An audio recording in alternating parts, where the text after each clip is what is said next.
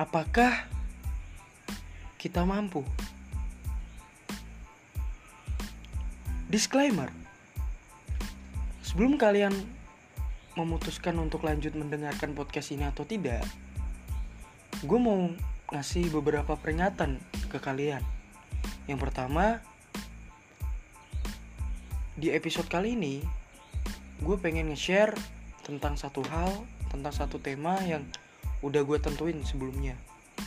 Kedua, apa yang akan teman-teman nanti dengarkan, apa yang akan gue share nanti, itu adalah pure opini pribadi gue. Yang gue maksudkan, gue tujukan untuk membentuk satu perspektif dari diri gue. Yang ketiga, gue gak bermaksud sama sekali untuk menggurui kalian karena gue sadar akan pengetahuan yang gue miliki masih sangat kurang. Yang keempat, kalian berhak setuju ataupun tidak setuju atas apa yang akan nanti gue sampaikan. Karena gue yakin masing-masing dari kalian punya perspektif sendiri. Dan yang terakhir, kalau ada salah-salah itu datangnya dari gue karena kebenaran dan kesempurnaan hanya milik Tuhan. Dunia tempat kita tinggal sekarang tentunya berbeda dengan kakek nenek ataupun orang tua kita dulu ketika tumbuh. Terkhusus adalah perihal teknologi abad 21 kini telah memberikan banyak sekali kemajuan teknologi dan membuka juga banyak peluang yang berhubungan dengannya. Yang mana hal itu tentu sedikit banyak memberi perubahan terhadap hidup manusia. Sebenarnya sedikit atau banyaknya itu tergantung manusianya sih. Apakah dia menerima selebar-lebarnya ataupun menutup serapat-rapatnya akan perubahan itu gitu, akan kemajuan ini. Orang-orang yang bertahan dengan cara-cara klasik dan para masyarakat konservatif tentu sedikit sekali menerima manfaat dari satu perubahan ini. Bahkan bisa dibilang tidak sama sekali. Dengan adanya kemajuan ini, dengan segala kemajuan yang kini hadir, tentu itu semua membuat umat manusia semakin bergantung dengan teknologi yang ada gitu karena memang kemajuan teknologi ini telah merubah kehidupan manusia gitu umat manusia semakin bergantung dengan kemajuan teknologi yang ada bergantung dengan komputer dengan AI kecerdasan buatan gitu. Akibatnya muncul banyak hal baru di setiap bidang kehidupan yang belum diketahui oleh manusia sebelumnya sebelum adanya teknologi ini itu di dunia kerja misalnya bidang pekerjaan. Ya sebenarnya banyak juga di bidang-bidang lain tapi ya kita tahu lah ya ekonomi adalah standar manusia dapat bertahan hidup. Ya gitu kan secara general gitu. Makanya gue ambil contohnya di bidang pekerjaan gitu.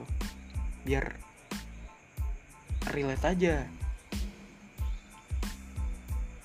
Sudah mulai terlihat banyak jenis pekerjaan yang mulai hilang. Dan setiap tahunnya akan terus meningkat gitu tapi banyak juga bermunculan jenis pekerjaan baru yang belum dikenal dan diketahui sebelumnya di lain sisi baik konvensional ataupun tidak. Sebagai contoh, dulu kakek nenek kita siapa yang mengira gitu kan kalau seorang youtuber, admin Instagram, admin online shop atau apa pun itu yang sekarang kerjanya setiap hari duduk di depan layar sambil ngerokok dan juga ngopi paling ya. Dan mereka tuh dibayar gitu. Gede pula. Siapa yang mengira memainkan tombol mesin di sebuah pabrik saat ini adalah sebuah profesi. Gitu. Tapi semua itu tidak serta-merta memberi kenyamanan kepada setiap manusia. Justru era sekarang, era ini merupakan kondisi yang sulit itu, teramat sulit. Hanya yang mampu melek akan realitas yang terjadi kini dan mau menerima perubahan lah yang akan bertahan dan menjadi lebih baik. Mereka yang mau belajar, mengasah, hingga akhirnya bisa memunculkan inovasi baru yang mendapat manfaat dari kemajuan teknologi ini gitu. Yang akan dapat membawa perubahan besar terhadap hidupnya karena kemajuan teknologi ini gitu. Sementara mereka yang menutup mata dan tidak mengerti apa yang harus dimanfaatkan dari semua itu, mereka tidak akan mendapat hasilnya gitu. Ya mereka akan hidupnya seperti itu itu saja. Entah itu terlepas dari adanya teknologi ataupun tidak gitu. Adanya satu kemajuan yang secara global ataupun tidak gitu. Mereka akan seperti itu itu saja.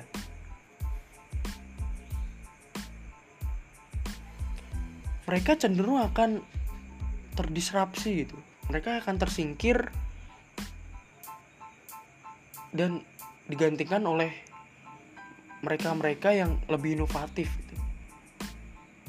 itulah mengapa banyak yang menyebutkan zaman sekarang ini dengan semakin berkembangnya dan meluasnya teknologi akan memunculkan satu inovasi baru yang mengantarkan kepada hal yang lebih baik akan menyingkirkan atau menghancurkan, mendisrupsi yang di bawahnya gitu. Dalam hal ini adalah yang tidak dapat mengambil manfaat dari satu perubahan yang ada. Simplifikasinya seperti industri lah itu contohnya. Inovasi disruptif adalah inovasi yang mana menciptakan satu konsep baru, satu pasar baru satu hal baru yang mana itu semua akan mengganggu atau merusak pasar yang sudah ada. Konsep yang sudah tertanam dalam waktu yang lama bahkan akhirnya menggantikan semua teknologi terdahulu tersebut. Fenomena disruption bukan hanya tentang hari ini, today, melainkan fenomena hari esok, the future, yang dibawa oleh pembaru ke saat ini. Pemahaman seperti ini menjadi sangat penting karena sekarang kita tengah berada dalam sebuah peradaban yang baru kalau kata Renald Kasali seperti itu. Ini merupakan satu hal yang menarik gitu kan. Sudah barang tentu memang disruption ini tidak hanya terjadi di kemajuan teknologi saja sebenarnya. Bidang ekonomi, dunia pemerintahan, dunia kedokteran, bahkan sampai marketing pun hari ini telah terdisruption gitu. Ya telah tergantikan manifestasinya gitu. Tapi gue beranggapan bahwa kemajuan teknologi inilah yang telah menjadi satu pilar utama yang mempengaruhi semua bidang itu itu di mana bidang ekonomi hari ini dunia ekonomi hari ini berusaha memanfaatkan adanya kemajuan teknologi ini gitu. Bidang kedokteran pun ada satu manifestasi baru dalam dokter merujuk pasiennya gitu. Dengan adanya satu startup, satu aplikasi yang mempermudah untuk dokter bisa menerima keluhan dari pasiennya gitu tanpa harus bertemu secara langsung gitu. Dan juga marketing pun sekarang telah berubah gitu. Yang dulu awalnya transaksi secara konvensional tawar menawar kini pun semua serba online gitu. Dilaksanakan dengan memanfaatkan kemajuan teknologi yang ada gitu kan. So for the question pertanyaannya adalah bagaimana kita mampu adaptif di era yang dikatakan disruptif tadi gitu. Bagaimana kita bisa tetap survive dan dapat mengambil momentum ini untuk mengambil manfaatnya gitu, mengambil celah untuk mendapatkan satu hal yang dapat memberi perubahan besar terhadap hidup kita gitu. Yang paling utama adalah change our mind ubah mindset kita. Yang pertama kita harus memandang segala kemajuan yang ada kini segala kemajuan yang hadir adalah satu perubahan yang tak terhindarkan gitu. maksudnya gimana gitu?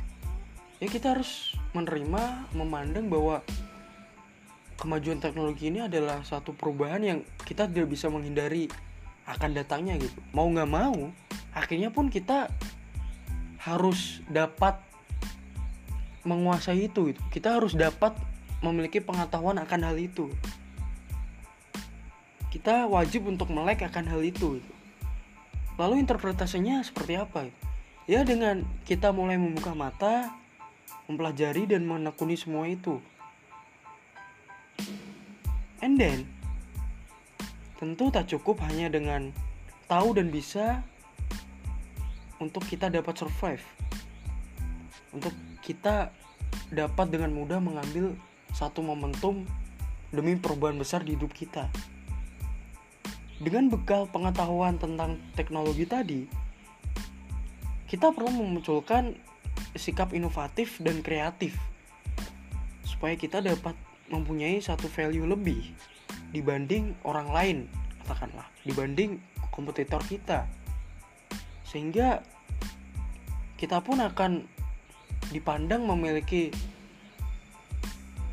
satu hal yang interesting gitu di mata dunia. Yang mana hal itu tentu akan memberikan dampak positif ke depannya terhadap kita. Akan banyak membawa perubahan besar dalam hidup kita. Yang pada akhirnya membuat diri kita tidak akan terdisruptif di tengah realitas global saat ini tetapi justru kita semakin adaptif di era yang saat ini itu. Tiga hal penting yaitu budaya kreatif, ekonomi kreatif, dan industri kreatif. Gue ngerasa tiga hal itu telah terkoneksi menjadi satu pilar utama untuk menghadapi kemajuan teknologi saat ini. Lalu gimana sih gitu hubungannya gitu? Bagaimana bisa tiga hal ini dikatakan dapat menjadi pilar utama untuk kita dapat menghadapi era saat ini gitu kan oke untuk kita dapat menciptakan satu perubahan kita harus menanamkan dalam diri kita yang namanya budaya kreatif gitu.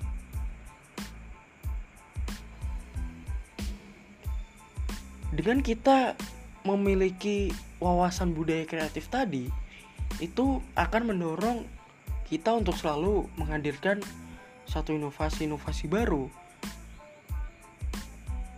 yang melibatkan proses-proses kreatif di dalamnya untuk menciptakan perubahan yang lebih baik itu.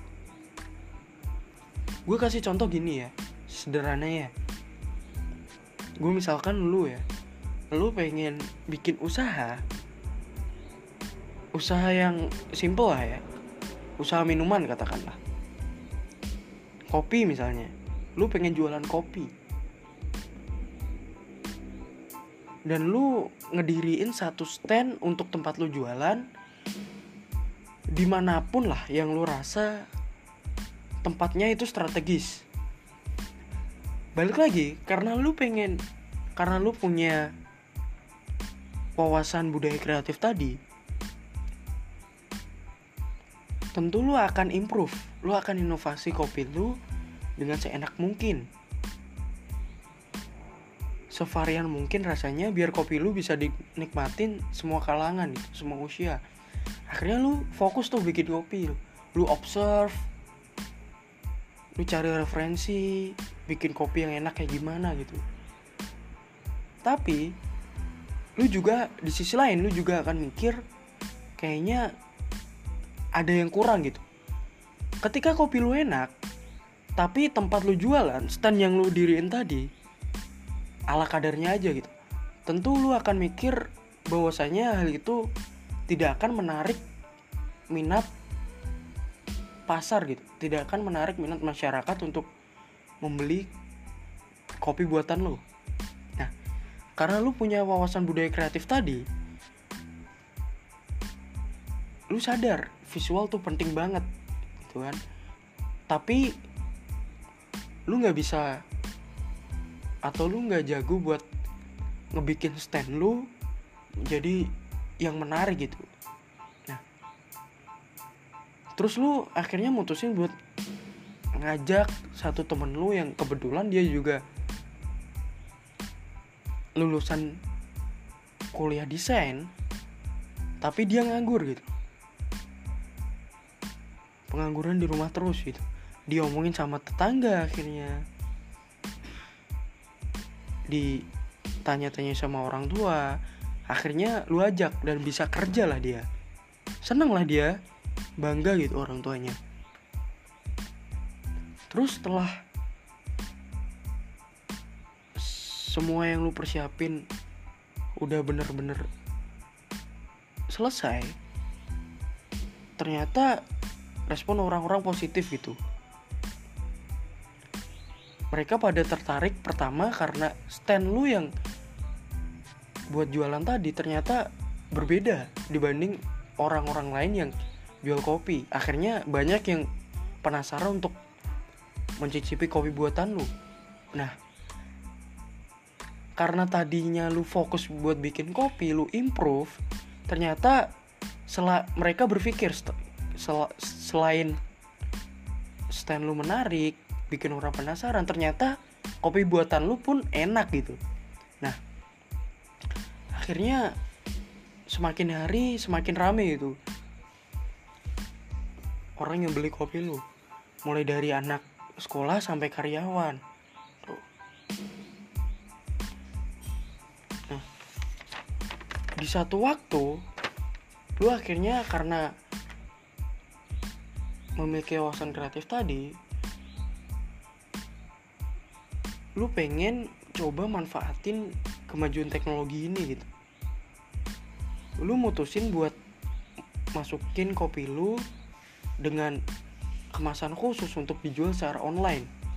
Supaya pelanggan lu yang sibuk tetap bisa nikmatin kopi buatan lu gitu. Jadi penjualan lu gak keganggu. Balik lagi gue ingetin karena betapa pentingnya budaya kreatif tadi karena lu punya itu akhirnya lu juga kepengen di marketplace online lu ataupun sosial media tempat lu jualan itu juga didesain dengan sangat menarik gitu.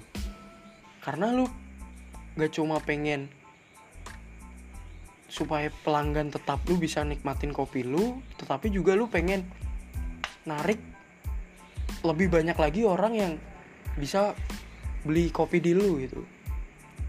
Nah karena tadi lu nggak jago buat desain kayak gitu akhirnya lu ngajak lagi lah temen lu yang dia lulusan desain dan dia ternyata masih nganggur dia belum kerja. Akhirnya dia bisa kerja. Bayangin, satu orang aja yang punya wawasan budaya kreatif bisa buka lapangan kerja dan bantu sesama gitu. Apalagi satu negara ini berwawasan seperti itu gitu kan. Nah, semakin hari banyak yang tambah penasaran, tertarik dan usaha lu makin rame gitu. Akhirnya lu bisa meng hasilkan keuntungan dari sana. Inilah yang namanya ekonomi kreatif tadi. Terus karena ternyata usaha lu rame terus dan viral, banyak orang yang penasaran dan banyak juga yang memviralkan, akhirnya di satu waktu ada satu investor yang ternyata tertarik untuk menghibahkan dananya, menginvestkan dananya untuk usaha lo itu. Akhirnya lu bisa bikin cabang di mana-mana lu bisa diriin cabang di mana-mana. Nah inilah yang namanya usaha lu tadi yang awalnya hanya di satu stand beranjak ke the next level gitu. Yang namanya industri kreatif. Lu punya cabang di mana-mana lu punya karyawan banyak gitu. Itulah kenapa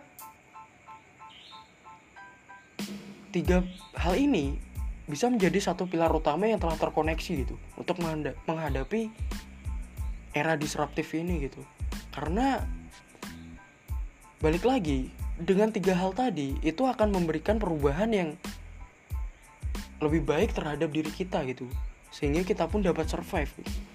jadi dengan kita melek akan perubahan yang terjadi di zaman ini dan menyokongnya dengan sikap inovatif dan kreatif tadi akan membuat kita mampu lebih adaptif dan tidak terdisruptif